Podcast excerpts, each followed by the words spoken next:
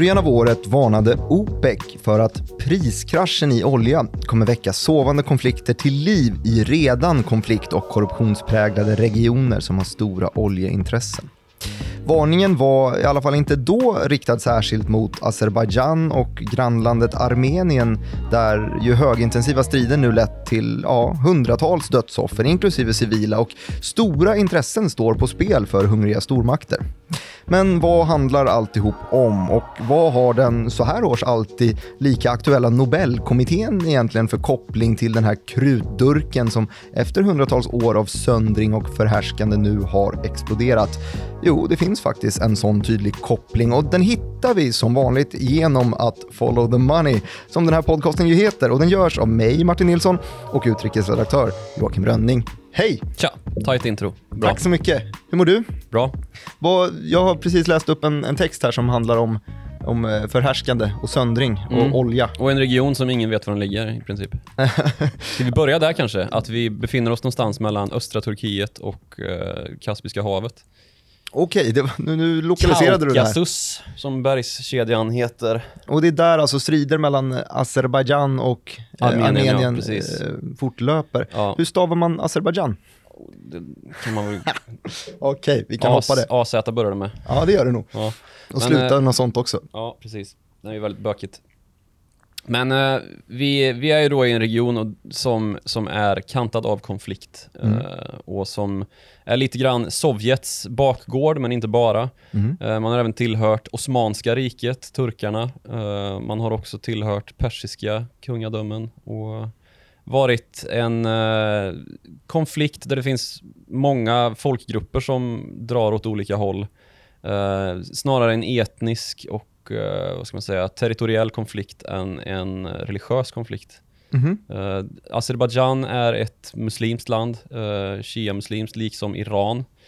Uh, men man är ett turk, turkfolk, uh, azererna är ett turkfolk. Mm. Um, och därigenom så har man ju en koppling då till Turkiet naturligtvis och även öster om Azerbajdzjan ligger ju en massa turkländer, uh, Turkmenistan, Uzbekistan, och så vidare. Det mm. finns ju turk turkfolk hela vägen ner in i Kina ju. Uigurerna som vi mm, pratat om, som ju är ett uh, hett nyhetsstoff numera eftersom att de sitter inspärrade i kinesiska uh, ja, arbetsläger för att lära sig att Det får du inte prata om idag. Nej, det ska vi hoppa över idag. Uh, vi flyttar oss tillbaka till uh, Kaukasus då, där Armenien å sin sida uh, är en kristen folkgrupp. Mm -hmm som har funnits här i eh, ja, tusentals år. Uh, var det första helt kristnade landet en gång i tiden. Mm. Uh, men som sagt, det här är ingen religiös konflikt utan snarare en, en territoriell konflikt. För som sagt, man har varit Sovjets uh, bakgård i ganska stora delar av den sentida historien. Och med det så, så har det då uh, såtts ett frö till den här konflikten Uh, när då den sovjetiska förvaltningen, jag tror det var genom Josef Stalin som man uh, kastade ut en uh, så kallad söndrings och härskningstaktik då som var, bestod i att man avdelade den lilla regionen Nagorno-Karabach och gjorde den till en armensk enklav eller om man ska säga inuti Azerbajdzjan. Det här är alltså i Armenien gränsar då till Azerbajdzjan i mm. väster Uh, Armenien gränsar till Azerbajdzjan i öster, ja precis. Ja, exakt. Ja. Ja. jag sa fel ord väster först. om Azerbajdzjan. Så är det. Så då är det den mest västraste delen här då av Azerbajdzjan som Armenien tycker är armenskt. Ja, precis. Eh, och där bor det då en, eh, en majoritet armenier. Mm. Alltså etniska armenier då som ju vill tillhöra Armenien, men problemet lite grann liksom territoriellt är att eh, som sagt, den här söndrings och härskningstaktiken går ju ut på att man ska vända folkgrupper och etniciteter emot varandra. Mm. För att på så sätt eh, de i princip ska ha något annat att bråka om än stormakten, eller vad man ska säga, imperiet då, som i det här fallet var Sovjet. Mm. Um, och det som gör det hela lite mer intrikat då avseende Nagorno-Karabach är att uh, det är ett så kallat låst, eh, eller vad ska jag säga, inlåst. Det finns ingen, alltså landlock, det finns ingen uh, landbrygga mellan Armenien och Azerbajdzjan. Det sitter alltså inte ihop. Alltså att den Eller, enda säger jag? liksom... Det finns ingen landbrygga mellan eh, Armenien och Nagorno-Karabach, utan det, det ligger alltså som en ö inuti eh, Azerbajdzjan då. Mm. Så det är ju då, det gör det hela ytterligare mer komplext. Eh, eftersom att det inte, det, det hade inte enkelt gått att dra om gränsen liksom, utan du hade behövt invadera azerbajdzjanskt territorium. För att ta dig eh, dit bara. För att ta dig dit ja, för att göra den här till en enhet då eh, geografiskt. Mm.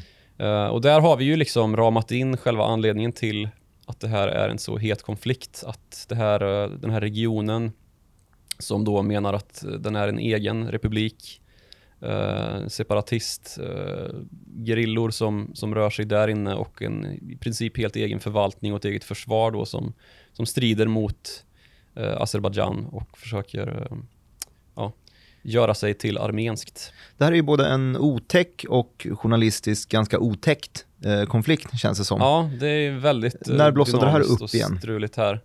Eh, Det, det blossat, har blossat upp i flera vågor. Det har varit, alltså den, den främ, första liksom vändan i det här kom i och med Sovjets fall när Nagorno-Karabach då ehm, röstade för att, att få ingå i Armenien. Mhm. Eh, det f- slutade inte så väl då. Eh, då var de första stridigheterna som kom att kosta tiotusentals dödsoffer i, eh, ja, men i princip vissa, i vissa delar av Azerbajdzjan ett försök till utrensning av armenier.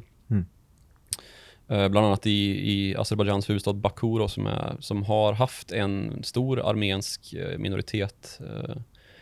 Så det, det var en, liksom en följd av att Sovjet föll där på, i början på 90-talet. Um, men sen så har ju den här konflikten varit sovande eh, och nu återigen då växt till liv. Det var lite stökigt eh, både 2016 och innan sommaren, innan det nu då blev en, eh, en fullskalig eh, konflikt, då, eller ett krig igen kan man väl säga. De två eh, datumen du nämnde här, 2016 och nu, det de har gemensamt vet jag som inte har så jäkla bra koll på konflikten i helhet, men det är ju att oljepriset var exceptionellt lågt Mm. under båda de här delarna. Det är i alla fall då vi har de riktigt låga. Ja. Alltså, sen dess har oljepriset i alla fall dansat över 50 och kring 60 och till och med 70 dollar per fat. Men Mm. nu eh, kring botten av corona så var vi under 20 dollar per fat för bräntolja då och Mm. eh, nu på senaste tiden så är vi precis över 40, vilket historiskt sett är ganska låga. Och vi var ju faktiskt nere på någon sån liten dipp där 2016-17 tror jag att det var, Mm. eh, när det var som lägst redan innan coronadippen. Ja, det är svårt det här med Azerbajdzjan just och eh, alltså deras benägenhet att gå i konflikt då. Eh, hur mycket det har att göra med oljeprisfall och så här egentligen. Eh, Nu är det ju så att Azerbajdzjan är ett land som är helt och hållet beroende av sina petroleumintäkter. Alltså man, man producerar bränsle och, och liksom levererar ut det i eh, stora pipelines som, som man har dragit runt Armenien, alltså för att de inte ska få någon del av intäkterna.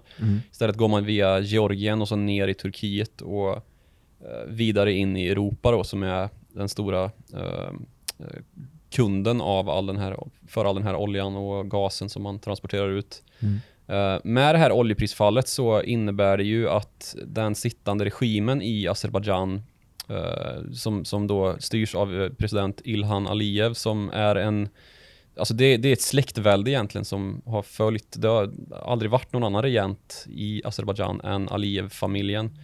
Eh, och d- man upplever ju naturligtvis eh, att oppositionen får lite, lite mer slagkraft när det är oroligt i ekonomin och det har det ju minst sagt varit då det senaste eh, året, halvåret med de här oljeprissättningarna. Eh, och då är det ju så, eh, i en, på tal om att söndra och härska, att det är smidigt att att eskalera den här konflikten då med Armenien. För det råder inte så mycket tu tal om eh, att det var Azerbajdzjan som satte igång det här eh, den senaste vändan nu med de första liksom, attackerna. Eh, Och det var ju någonting mål. sånt som jag nämnde här i inledningen också som OPEC varnade lite för att Ja. Eh, när vi ser ett sånt här prisras, när vi snackar att eh, oljepriset faller med 50% på kort tid, eh, så kommer det här ju såklart påverka länder vars budget beror på oljepriset. Man sätter ju liksom en statsbudget och om, eh, jag vet att vi nämnde om det var Irak kanske som hade över 90% av statsbudgeten Mm. var helt liksom beroende på olja, eh, beroende av olja.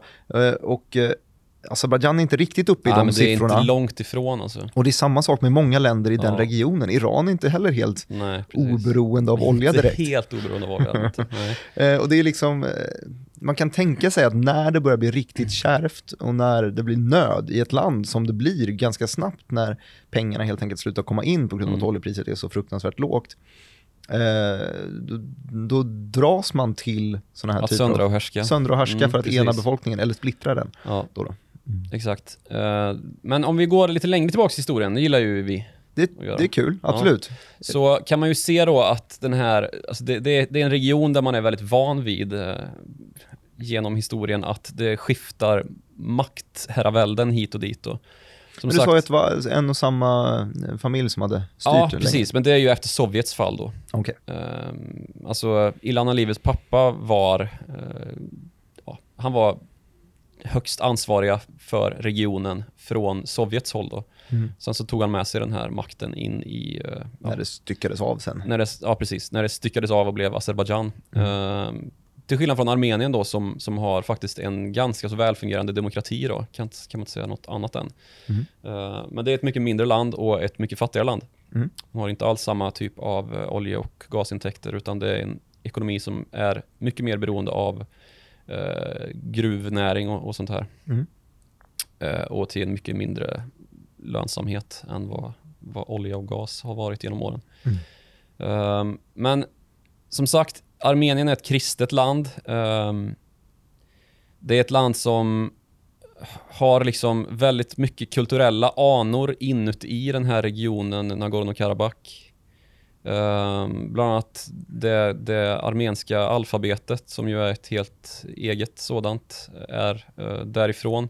Mhm. Eh, Så det finns en kulturell kontext som, som man aldrig kommer överge där, eh, skulle jag tänka mig. Och det är också lite oroande då att man från båda sidor egentligen har helt övergett förhandlingsbordet och, in, och bestämt sig för att det här kommer inte bli liksom en, en, en, eh, diplomatisk lösning, en en- kompromiss. Nej, utan assyrierna vill kasta ut armenierna och armenierna vill inget annat än att bara vara kvar och i bästa fall då införlivas med eh, Armenien över den här uh, assyriska zonen då, den här landremsan som går eh, mellan, uh, ja, mellan Nagorno-Karabach och eh, Armenien.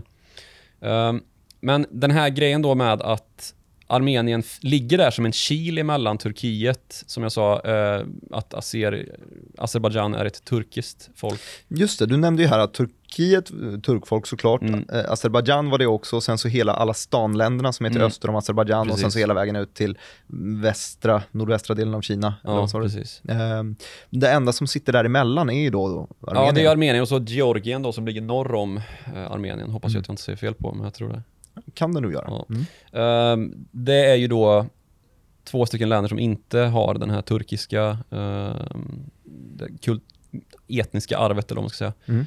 Och det finns väl eh, liksom kemalister eller vad man ska säga, alltså turkfolkens liksom, alltså det som skapade Turkiet egentligen efter Osmanska rikets fall. Eh, Kemal Atatürk då som hävdar att eh, enda anledningen till att, att Georgien och eh, Armenien överhuvudtaget finns då är västs motvilja att låta turkfolken förenas under en och samma stat eller vad man ska säga. Så det är ju en, en väldigt omtvistad eh, region där det finns maktanspråk då från, som alltid det har varit fallet då genom historien, eh, dels från turkiskt håll, dels från eh, ryskt håll och dels från eh, alltså persiskt håll då, Irans håll. Men vadå, eh, då, då stöder alltså Turkiet Azerbajdzjan i den här Mm, konflikten, precis, det är ju då De vill enas. Exakt eh, så det går till. Eh, Turkiet var ju tidigt ute med propagandakampanjer och har ju även stött Azerbajdzjan rent militärt. Det har blivit en, ett, ett drönarkrig, vilket väl få trodde innan det här bröt ut att det skulle bli. Men det är ju då turkiska drönare och i viss mån även israeliska drönare. Så det är väl bara början på beskrivningen av hur komplex den här konflikten är då, där vissa har, eh, vissa av de här stormakterna, Ryssland då framförallt, har äggen i båda korgarna. Eh, man har, alltså, Det väl, finns väl något positivt i det? Eh, ja, Något, något, eh, incitament för att mäkla fred om man har ägg i dubbla korgar. ja, precis. Men då är det ju då att man inte vill förarga någon eh, för mycket, eller vad man ska säga. Mm. Eh, och hittills så har Ryssland, det är just i Ryssland som de här liksom första fredsförhandlingarna nu äger rum.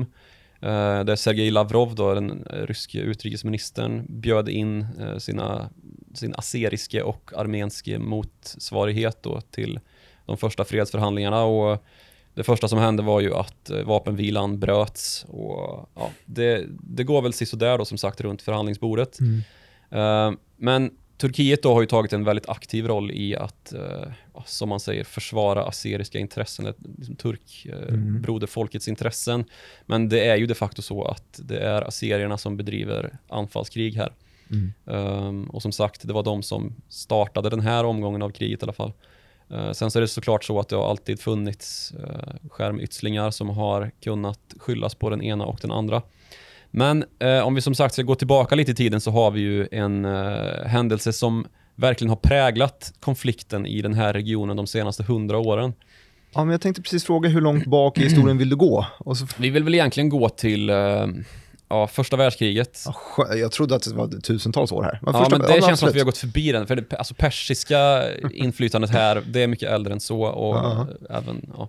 Men, första världskriget, absolut. världskriget. Skotten i Sarajevo. Ja, eh, vi hoppar över dem. Okej. Och så går vi till, eh, alltså det, det vållade ju en enorm eh, härdsmälta för det Osmanska riket kan man väl kort sammanfatta. Mhm. Eh, Osmanska riket var ju enormt då i Mellanöstern. Eh, och det var ju Turkiet som satt på den makten, eller vad man ska säga, som styrde det Osmanska riket. Mhm. Som ju sträckte sig över, liksom ända in i Saudiarabien. Eh, men nu då under första världskriget så kommer ju allt det här att, falla ihop, för man tillhörde fel sida av eh, den förlorande parten i första världskriget. Mm. Och då bröt sig ju britterna in och började stycka upp och gav liksom fri lejd åt vissa folkslag och det tyckte inte Osmanska riket om. Och det här då eskalerade och eskalerade och, och ska man säga, kulminerade i folkmordet på armenier. Som Turkiet vägrar kalla för ett folkmord trots att alla vet att det var det. Ehm, Jag tror nästan alla EU-länder nu har erkänt det som ett folkmord, även USA och... Och det här var under första världskriget eller Ja, efter? eller? 1915 till, det är lite oklart när man, om man, när man ska säga att det började och när, när det slutade, men ja, det hade väl sin höjdpunkt under 1917. Så i slutet på första världskriget så... Som, så som löpte 14 till 18 va? Ja, precis. Och det här folkmordet var ju någonting som drev ut eh, armener över hela världen egentligen. Eh, det finns ju stora diasporor av armenier i delar av Europa, Frankrike ganska mycket och sen i USA eh, på västkusten framförallt har man hamnat av någon anledning. Mm. Eh, det vet ju alla som har kollat på vad heter det? Keeping Up with the Kardashians. Ja, jag har inte kollat på mycket, så mycket, men jag vet ju vad det är. Ja, men de är ju, de är ju armenier. Okej. Det var väl, eh, vad heter det, Kim Kardashians, vad blir det, farfar som, farfar och farmor som kom till USA. Okej. Ehm, och det var ju en, alltså den här, de stora diaspora uh, befolkningarna då, det är en, anledningen till det är då ehm, folkmordet. Du Joakim, om jag vill ha mer, mer ekonomi i den här podden, Mm. vad, vad, vad ska jag ställa för fråga då? Eh, nej men vi kan väl lite krasst konstatera att eh, ehm, olja är en rätt rörig sak och det har vi väl konstaterat för också att är lite det. grann så här råvarornas förbannelse. Och i, i uh, Azerbajdzjans fall så har ju oljan tjänat dem väldigt väl. Ehm, och det är där vi har den här lustiga kopplingen också till Nobelkommittén. Jag undrade ju, just hur du skulle få in eh, Ja. Paul Milgram och Robert Wilson För idag. faktum är ju att vi inte hade haft eh, ett, i alla fall lika stort, eller vi hade inte haft lika stor genomslagskraft för det här Nobelpriset vi har, Mm. utan eh, Azerbajdzjan och dess olja och gas. Eh, bered ut det här för mig. Ehm, Nobel då, Alfred Nobel, Dynamitgubben. Dynamit-Harry, Ja, Dynamit-Alfred. ja. Eh, han var ju den som uppfann dynamiten, Mm. såklart. Och de, han hade ju även, det det var ju ett familjeföretag ju. som tillverkade minor och annat explosivt. Det var ju vapentillverkare, Sveriges första vapentillverkare. Mm. Eller första, men eh, den, den som satte Sverige på kartan som vapenmakt i alla fall. Mm. Han hade två bröder också, Som heter? Ludvig och Robert. Kul. Mm. Eh, de var på en liten uh, irrfärd genom Kaukasus och fick höra talas om de här sjöarna av olja som fanns i, eh, i Azerbajdzjan. Mhm. Bestämmer sig då för att uh, ska inte starta, starta bolag. Mhm.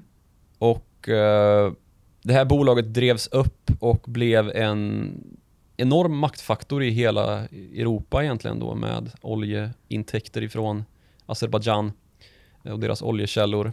Och det blev så stort att man till och med konkurrerade då i Europa med Standard Oil, alltså Rockefeller, eh, John D. Rockefellers stora oljekonglomerat. Och det här var i, eh, Nobelbrorsorna? Eller monopol i USA ju. Mhm. Och det var Nobelbrorsorna ja. Branobel hette eh, bolaget. Vad hände med det sen då? Ja, det gick ju väldigt bra. Eh, som sagt, de var väl i, i dagens penningmått alltså multimiljardärer, ultra superrika Mhm. eh, på sina oljevinster.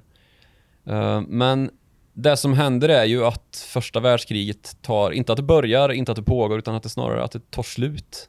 Mhm. Eh, och att vi får en rysk revolution på halsen. Eh, och det leder ju till Såklart. ja, Eh, Sovjets då- bildande och ehm, Och det är svårt att ha ett privat företag i en, ja, det får man en inte. kommunistisk diktatur. Precis. Så eh, Branobel övergår i statlig ägo och ehm, ja, det är väl fortfarande en hel del liksom, strukturer som finns kvar i Azerbajdzjans eh, statliga oljebolag idag som härstammar ifrån Branobel men bolaget upphör att existera 1960-talet någon gång. Mm. Eh, så det finns inte kvar längre mer än som ett, ett industriellt minne. Eh, Men då var det ju faktiskt inte någon direkt koppling till ehm, Paul Milgram och Robert Wilson som jag nämnde ah, du vill göra ett litet stickspår om Nobelpriset i, eller eh, Jag tänker att pri, ekonomipriset till Nobels minne. så, så heter det ja. Exakt, sådana. eftersom att ekonomi inte räknades till någon faktisk vetenskap. det är Det inte är det inte. Det var psykologiskt och tjafs är det. Ja. Eh, ja men exakt, det är de två som faktiskt fick det här priset nu. Mm. Eh, och vi behöver inte gå in längre än så för det här är ju någonting som verkligen, det är ju ett PR-maskineri hela Nobelpriset, just att de En PR-kupp. Det är en PR-kupp.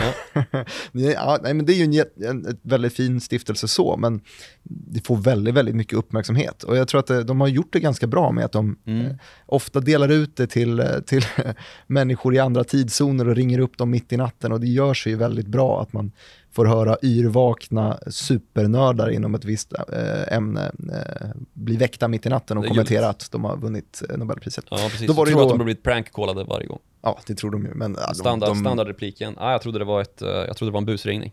Exakt. Paul Milgram var, blev tyvärr, i det här fallet var han tvungen att bli väckt av Robert Wilson istället för att han, hade, han svarade inte i telefon bara. Han slaggade väl. Eh, Så han fick gå och knacka på för de bor tydligen grannar vad jag förstår. Eh, Men de vann ju då det här i eh, det auktionsteori. Eh, Ja, Men det är lite applicerbart också på oljebranschen faktiskt. Eh, Ja, men det är det ju absolut. Auktionsteori, eh, om man ska dra det lite längre så handlar det- helt enkelt om hur man ska agera i en, i en budgivning. Just att det Mm. kanske inte är värt att alltid vara den som budar högst. För den som budar högst på en underliggande tillgång som man inte kan veta värdet på, som till exempel vid oljeindustrin, Ja. man budar på ett fält Man där får man en vet, licens eller en koncession bara och så vet man inte vad som ligger där under egentligen. Exakt, man vet bara att det kanske finns olja här, men Ja, man vet inte hur ja, mycket precis. och så vidare. Eh, och då som är bäst ju... så här mycket, som sämst ingenting alls typ. Exakt, och då är den som värderar den underliggande tillgången högst, det är den som också kommer buda högst. Mm. Och där finns det då en liten auktionsteori som eh, det här Nobelpriset grundades i, läste jag på auktionsteori. Ekonomistas Ja. eh, tidigare idag. Nice. Eh, stickspår om Nobel. Ja, men i alla fall, vi hade inte haft något Nobelpris eh, kanske överhuvudtaget om inte Brann-Nobel hade funnits. Eh, för det gjorde ju de andra bröderna Nobel till väldigt kända eh, i den tidens finanspress. Mhm. Och eh, enligt, eh, jag vet inte om det är en sägen eller om det till och med är liksom fastsla fastslaget att det faktiskt var så att när, eh, jag vet inte om det var Robert eller Ludvig Nobel som gick bort, så missuppfattades alltihop så att det blev eh, en, en dödsruna över Alfred Nobel, alltså dynamitgubben. Aha. Eh, och det fick ju då Alfred Nobel läsa om, alltså så han fick ju läsa sin egen dödsruna. Fan fint ändå.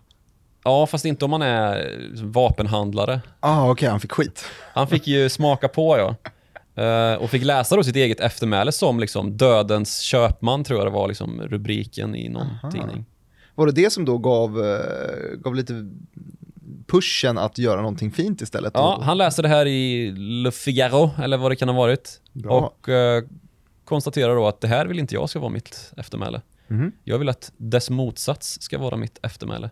Mhm. Jag vill ju verka för fred och nationernas eh, välstånd och välgång och eh, att man kommer över- överens med varandra. Men Och fan att man gör inte... stora framsteg inom eh, hälsa och forskning och vetenskap. Liksom. Inte en massa, Tjafs om krig ekonomi och sånt. nej inte det heller, men ingen massa krig och skräp. Liksom. Nej. Så eh, då, där, där liksom, eh, är fröet sått till Nobelstiftelsen. Jag hoppas att det inte är en skröna, för det, var en härlig historia, Mm. tycker jag. Den finns till och med avbildad på, på staty när han sitter och läser sin egen dödsruna. Så att, jag tror nog att det kan ha det kan ha varit så. I alla fall att han då påstår att det var så eh, och därmed bygger sin egen myt på ett väldigt snyggt sätt, på tal om PR. Men eh, ja, Follow the money eh, handlar ju om att följa pengarna i det här. Ja. Och nu har vi följt Alfred Dynamitgubbens pengar lite Ja, grann. Eh, och, bröderna då, för de var ju två stora sponsorer av det här som sen blev, eller deras, deras tillgångar blev ju stora sponsorer av Nobelstiftelsen. Mm.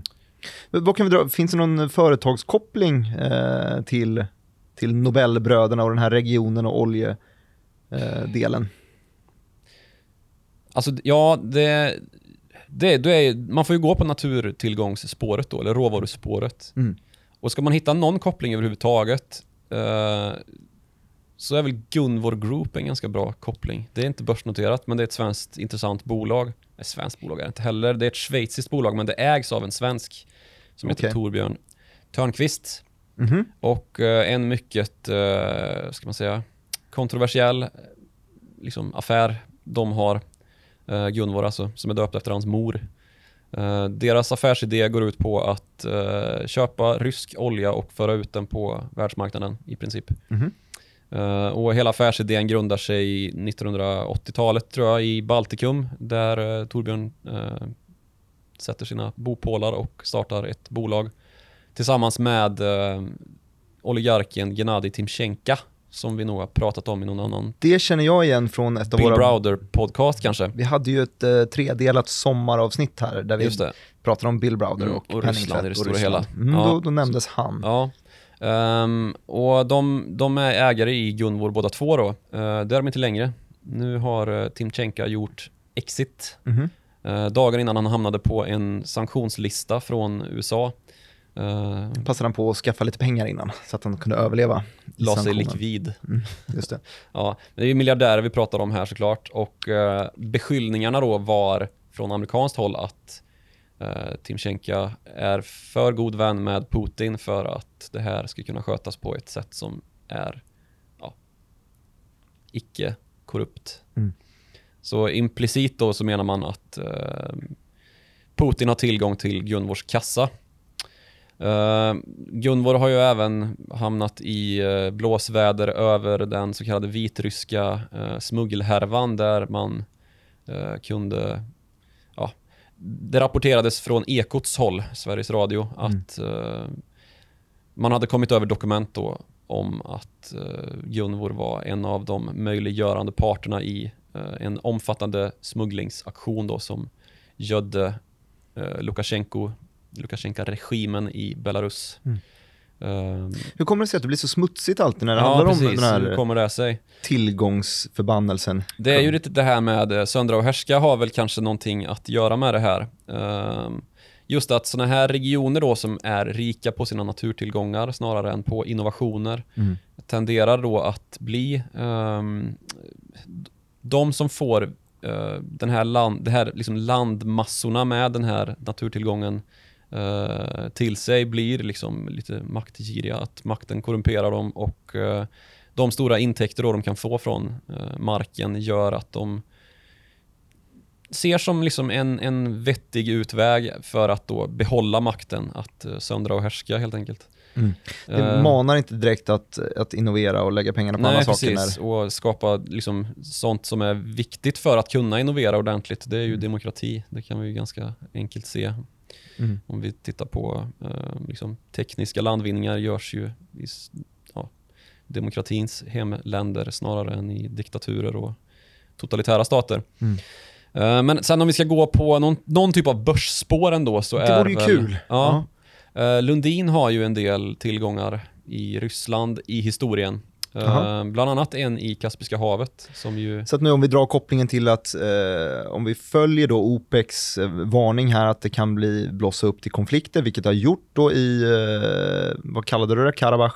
Nagorno, Nagorno-Karabach. Nagorno-Karabach, den här lilla Nagorno-Karabach. regionen eh, Ja, den, som Armenien och eh, Azerbajdzjan strider mellan.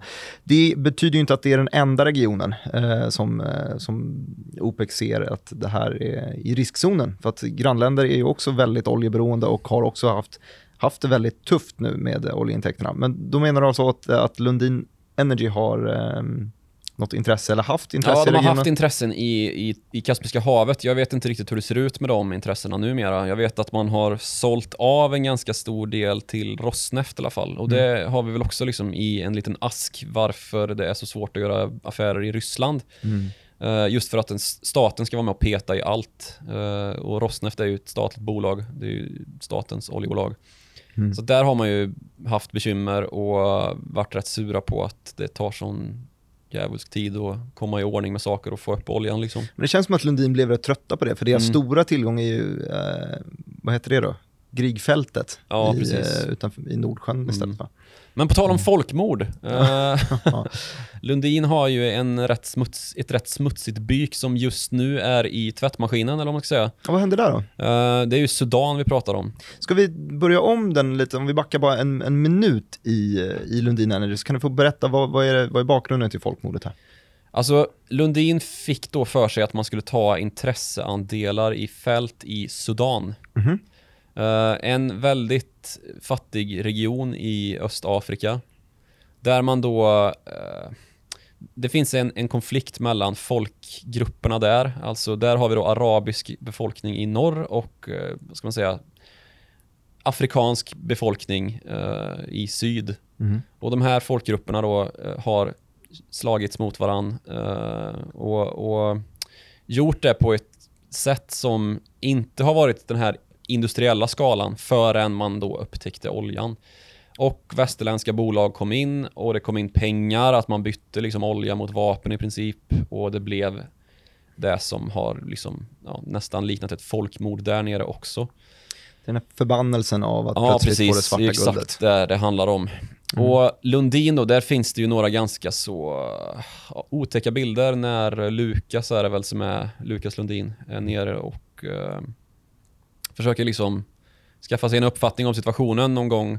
Det är väl runt millennieskiftet. Jag tror de här anklagelserna som nu har riktats mot Lundin och det är till och med ett åtal som är färdigt. eh, med liksom 60 000 sidor och man planerar för, det var, jag läste någon Uh, något, något uttalande om att det skulle bli en 300 dagar lång rättegång. Det är ju gigantiskt. Mm. Och då är det alltså eh, ja, en av Lundinbröderna och Alex Schneider, den tidiga, eller han är nog fortfarande VD, men han har bestämt sig för att avgå nu eh, i slutet på året. Som är åtalade för medhjälp till uh, folkrättsbrott. Ehm, men det, de här otäcka bilderna som jag pratade om, eh, när Lukas tror jag det är som är nere och försöker eh, göra sig lite bättre bekant med situationen Mm. och åker längs den väg då som de själva hävdar ska möjliggöra oljeutvinning Ehm, och att man då ska kunna transportera olja dit den eh, kan handlas med. Och då eh, en del människorättsorganisationer menar att det här är ju snarare fråga om att man ska kunna flytta försvarsmateriel och eh, liksom föra krig på ett enklare sätt. Mm. När Lukas då färdas längs den här vägen så blir de stoppade av en liksom, jord av barnsoldater. Och att ha en börs-VD som står liksom på, ett, på en, en väg i, en jordväg i Afrika omgärdad av barnsoldater inför kameror blir ju såklart eh, problematiskt. Och eh, Det här har ju varit en surdeg som har legat, ja, surdeg det är väl kanske lite barockt att beskriva det som. Verkligen barockt. Ja, Men en barock situation också, så Ja, fortsätt du. men en, eh, en, en liksom ett ok över Lundin och att man inte riktigt vet vart det ska ta vägen. Själva hävdar man ju naturligtvis att man inte alls har någonting med något folkmord att göra. Mm. Eh, att det har varit liksom affärsmässiga beslut som har fattats för att liksom få en hållbar situation och kunna bidra snarare till att, att här insta, den här instabila regionen blir liksom lite mer välnärd och kommer på fötter. Eh, för här pratar vi liksom nom- nästan nomadfolk som, som har det väldigt uh, knapert alltså. Mm. Eh, väldigt svältdrabbat område.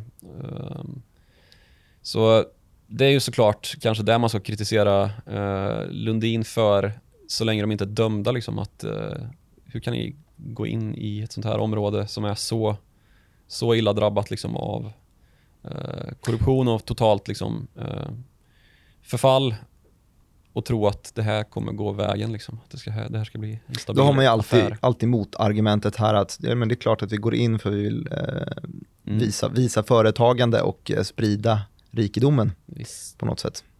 Visst, säger du. Så är det ju. Eh, det är en, Vi får väl se vad- vad det går i den här- man får föra då såklart. 300 dagar långa rättegången. Då. Ja, vi får se hur lång den blir och vi får se hur det går. Men eh, som sagt, åtalet är inlämnat där nu och eh, det är väl talan på väg att... Men är det här någon, någon, någon skugga som kan, någon böter som kan, kan falla på själva företaget Lundin Energy? Eller är det här mest person? Jag vet faktiskt inte. Det är väl... Det, på ett sätt så blir det väl en, en lättnad att få saken lagd till handlingarna just för att det tar väl upp en ganska mycket liksom, tid och möda för bolaget. Mm. Men jag menar, Lundinsfären är ju enorm och det finns ju hur många bolag som helst som, alltså verksamheten är ju så mycket större än bara uh, vdn över Lundin Energy och uh, Mm.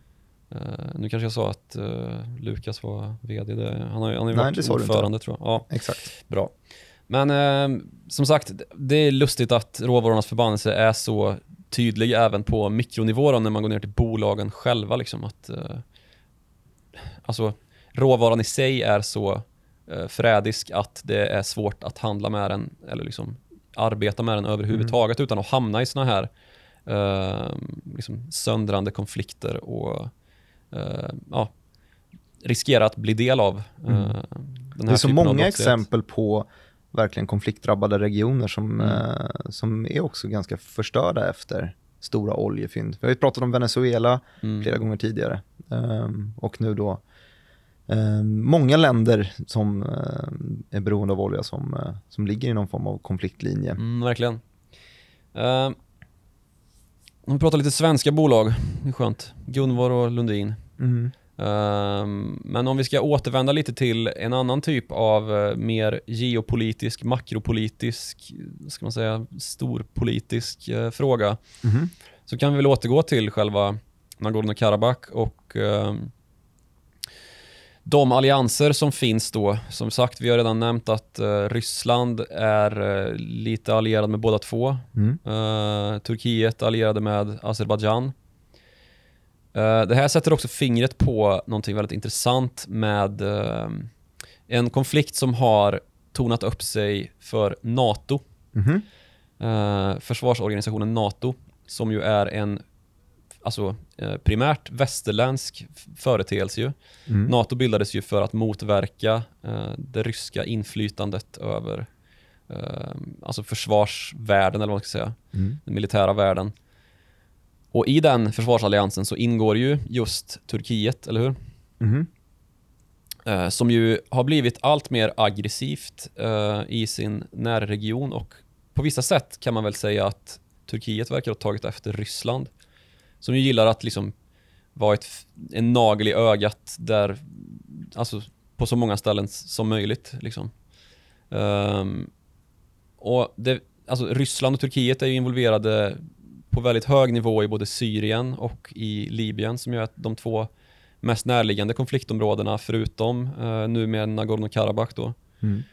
Ehm, och vad gäller NATO och den, de här dubbla allianserna, eller vad man ska säga, de här, den här dyna, dynamiken i den här konflikten, så har vi då alltså ett NATO där Turkiet är medlemmar eh, och man precis har slutit ett avtal med just Ryssland om att införskaffa eh, de väldigt kontroversiella luftvärns... det väldigt kontroversiella luftmissilsystemet eh, S-400. Okej, då menar du här att nu finns det, nu snackar vi ägg i många korgar igen. Ja, precis. Eh, vi hamnar, hamnar ju där någonstans att Turkiet och Ryssland i någon mån slåss på varsin sida här i eh, Nagorno-Karabach-konflikten. Man har även haft lite delade meningar om hur man ska göra med eh, Syrien och med eh, Libyen. Mm.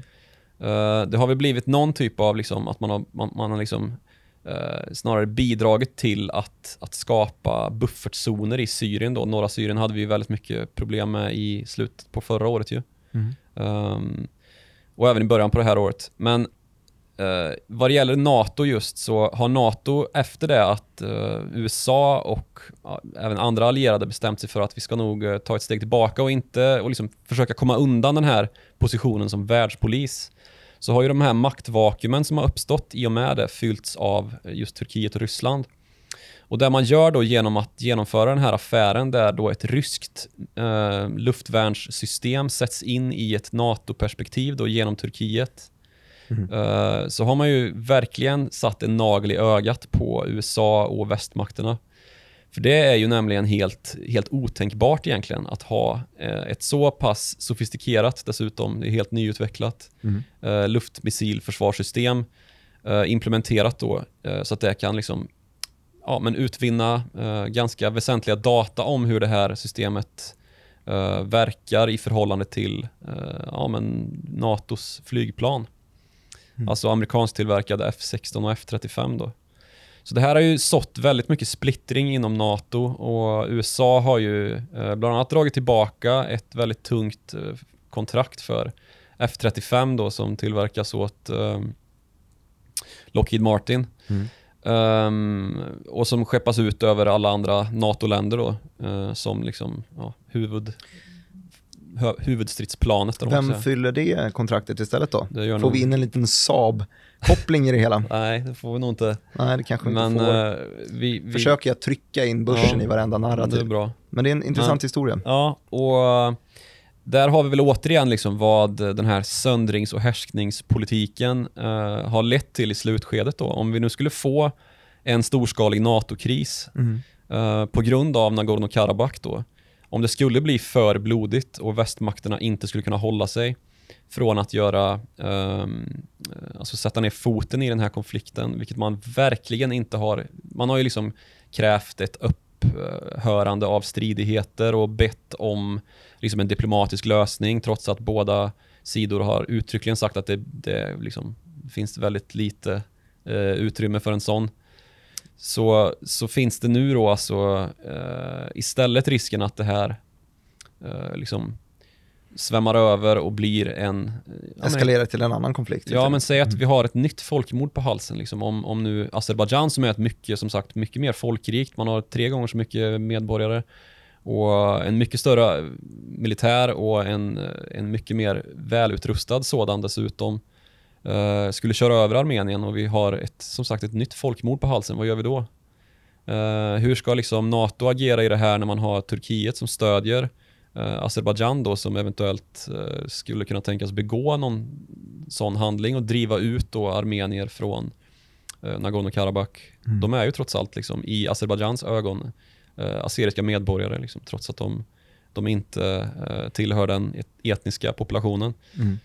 Och um, där tror jag vi kan ha en, liksom, ett, ett spelfält för en mycket större konflikt eh, än det här liksom redan pågående proxykriget som man brukar kalla det i militärsammanhang. Alltså ett ombudskrig då där Mm. eh, Turkiet inter, interagerar med Azerbajdzjan och eh, Ryssland sitter med, som sagt, dubbla allianser. Eh, Israel är med och petar.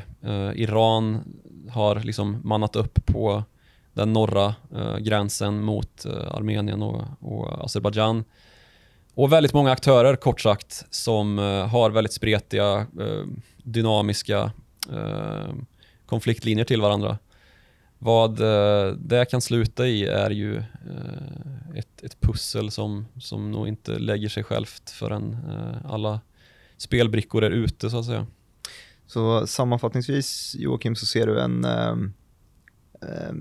en intensivare konfliktbild nu, en geopolitisk störning i, i hela den regionen som är lite mer bekymmersam nu än vad den har varit tidigare i alla fall. Ja, absolut. Och alltså, vi har redan haft ehm, eh, alltså syriska eh, islamist legosoldater som har då skeppats in i den här konflikten för att slåss på den assyriska sidan. Eh, och det är Turkiet som står för dem. eh, truppleveranserna. Sen så hävdar man då i, i för att liksom, vad ska man säga, försvara det att eh, man har haft PKK kämpar, alltså PKK-soldater som har anslutit till Armenien då istället. Mm. Och jag vet inte hur det ser ut med liksom sanningen i det där, det får väl kanske historien utvisa. Mm. Men det är i alla fall belagt då att man har, att man har fört dit uh, uh, islamistkrigare då från Syrien som, som ju har haft lite mindre att göra där på senaste tiden. Och så skyller man då på PKK som gör den här uh, kurdiska grillan som slåss mot Turkiet då, som ju har varit liksom en förevändning för att... Uh, De har varit aktiva hur länge som helst ju. Ja, precis. Och det har ju varit en förevändning för att man bland annat gick in i norra Syrien. Mm. Det var ju den stora upptrappningen som skedde där. med, ja, det var väl det senaste liksom, heta, de heta striderna i den här regionen var ju just i, norr, ja, i syriska Kurdistan. Som ju Turkiet har gräns mot och eh, ja, har gjort stickattacker eh, både nu och då, men då blev det en, en invasion mer eller mindre. Ja, eh, sammanfattningsvis eh, än en gång då. Lycka till. ja. Det har pratat väldigt mycket om, om eh, den här flaggan som OPEC eh, nämnde här i början av eh, coronakrisen egentligen när oljepriset sjönk ner till riktigt kritiska nivåer och hur det kan rubba eh, rådande, rådande freder och rådande samhällen. få lite mer luft under vingarna när det, man inte har något jobb att gå till och så vidare. Exakt, och eh, nu har det i alla fall eh, blossat upp i krutturken Nagorno-Karabach. Eh, vilket är ett ställe man får helt enkelt hålla ett litet öga på och se hur den där konflikten löser sig. Det är väldigt underrapporterat tycker jag. Eh, man ser väl lite så nya antal döda nu och då, men det, det, jag tror att anledningen till att man inte liksom här från västs håll har tagit ett riktigt grepp om det. Är det här stavningen igen eller? Ja, men det är just, alltså det är inte så långt från sanningen alltså. För man känner inte till den här regionen. Nej. Uh, alltså, man har väl hört talas om Kaukasus, liksom, men vart ligger det? Vad är Kaspiska havet? Är det Svarta havet eller vad, är det något annat hav? Mm. Uh, med små länder, liksom, man klumpar ihop dem och kallar det för långt bort i stan. Liksom. Mm. Det är just vad man gör. Och sen just den här spretiga, liksom, asymmetriska krigföringen som förs uh, både i, från liksom, stormaktsregeringarnas håll och uh, alltså, Turkiets nya liksom, osmanska nästan ambition att, att liksom knyta ihop ett helt turkvälde igen och, och liksom verkligen gå på rysk linje liksom och föra krigstaktik på ett sätt som man inte har gjort just sen Osmanska riket. Har nog gjort den här konflikten lite för spretig och besvärlig för att uh, man ska hinna ta upp det i liksom en ingress och en... Sammanfatta det här på 400 ord. Precis. Uh -huh. det, det, är för, för prekärt liksom. Uh, så då bara ja, ja, så här många döda idag liksom. Mm. Um. Så uh, håll ett öga på det. Uh, håll ett öga på oljemarknaden också, mm. lite grann. Kan vi väl koppla till. Vi har pratat om ett par, vi fick in några svenska bolag i alla fall. Vi fick in Nobelbröderna Ja. Eh, eh, fick vi in det hela. Det är i alla fall lite svenskt. Vi fick in lite Lundin Energy som inte har någonting med den här själva konflikten att göra men som har själva varit i blåsväder och eh, vi får se vart den rättegången helt enkelt tar vägen. Mm. Snacka lite Gunvor Group mm. som har en, en, speciell liten historia där ja, också som inte då är börsnoterat överhuvudtaget men som i alla fall men, har lite svensk Torbjörn är ju storägare i AIK, det är ju noterat. Där fick vi in AIK också, yes. det är ju kul. De är ju not noterade på eh, NGM tror jag va? Mm. En liten, liten, liten lista, AIK. Ja, då har vi, då har vi börskopplingen i yes. Follow the Money i det här avsnittet som ni jättegärna får eh, likea. Det gör man ju genom att klicka tumme upp där då, då på YouTube-klippet, ni som följer oss där. Man kan också följa oss på varenda podcast-app som finns. Eh, Joakim älskar Acast och jag tycker Spotify är fint. Eh, men det finns också på iTunes och eh, Podbean. På, på iTunes om man lyssnar där, eller har en iPhone överhuvudtaget får man gärna skicka en recension. Ja, det får man göra. Det gör oss gott alltså. Gör oss mycket gott. Ja, det gör det. Så tack man alla ni som driver gör det. trafik. Tack. Ja. Stort Ja. tack. Stort tack. Eh, tack också ni som eh, skriver till oss på vår mejladress som är followthemoney.direkt.se. Eller? Twitter, och där når man dig på eh, snabel Joakim Ronning. Och den här mannen når man på snabla direkt Martin. Det gör man. Ja. Eh, skriv till oss där, vi likar och kommenterar och eh, gör allt vi kan för Alltid. att behålla er och göra er nöjda. Så eh, fortsätter vi det här förhållandet framåt. Follow Money är tillbaka nästa onsdag då. Ha det så fint, hej! Hej.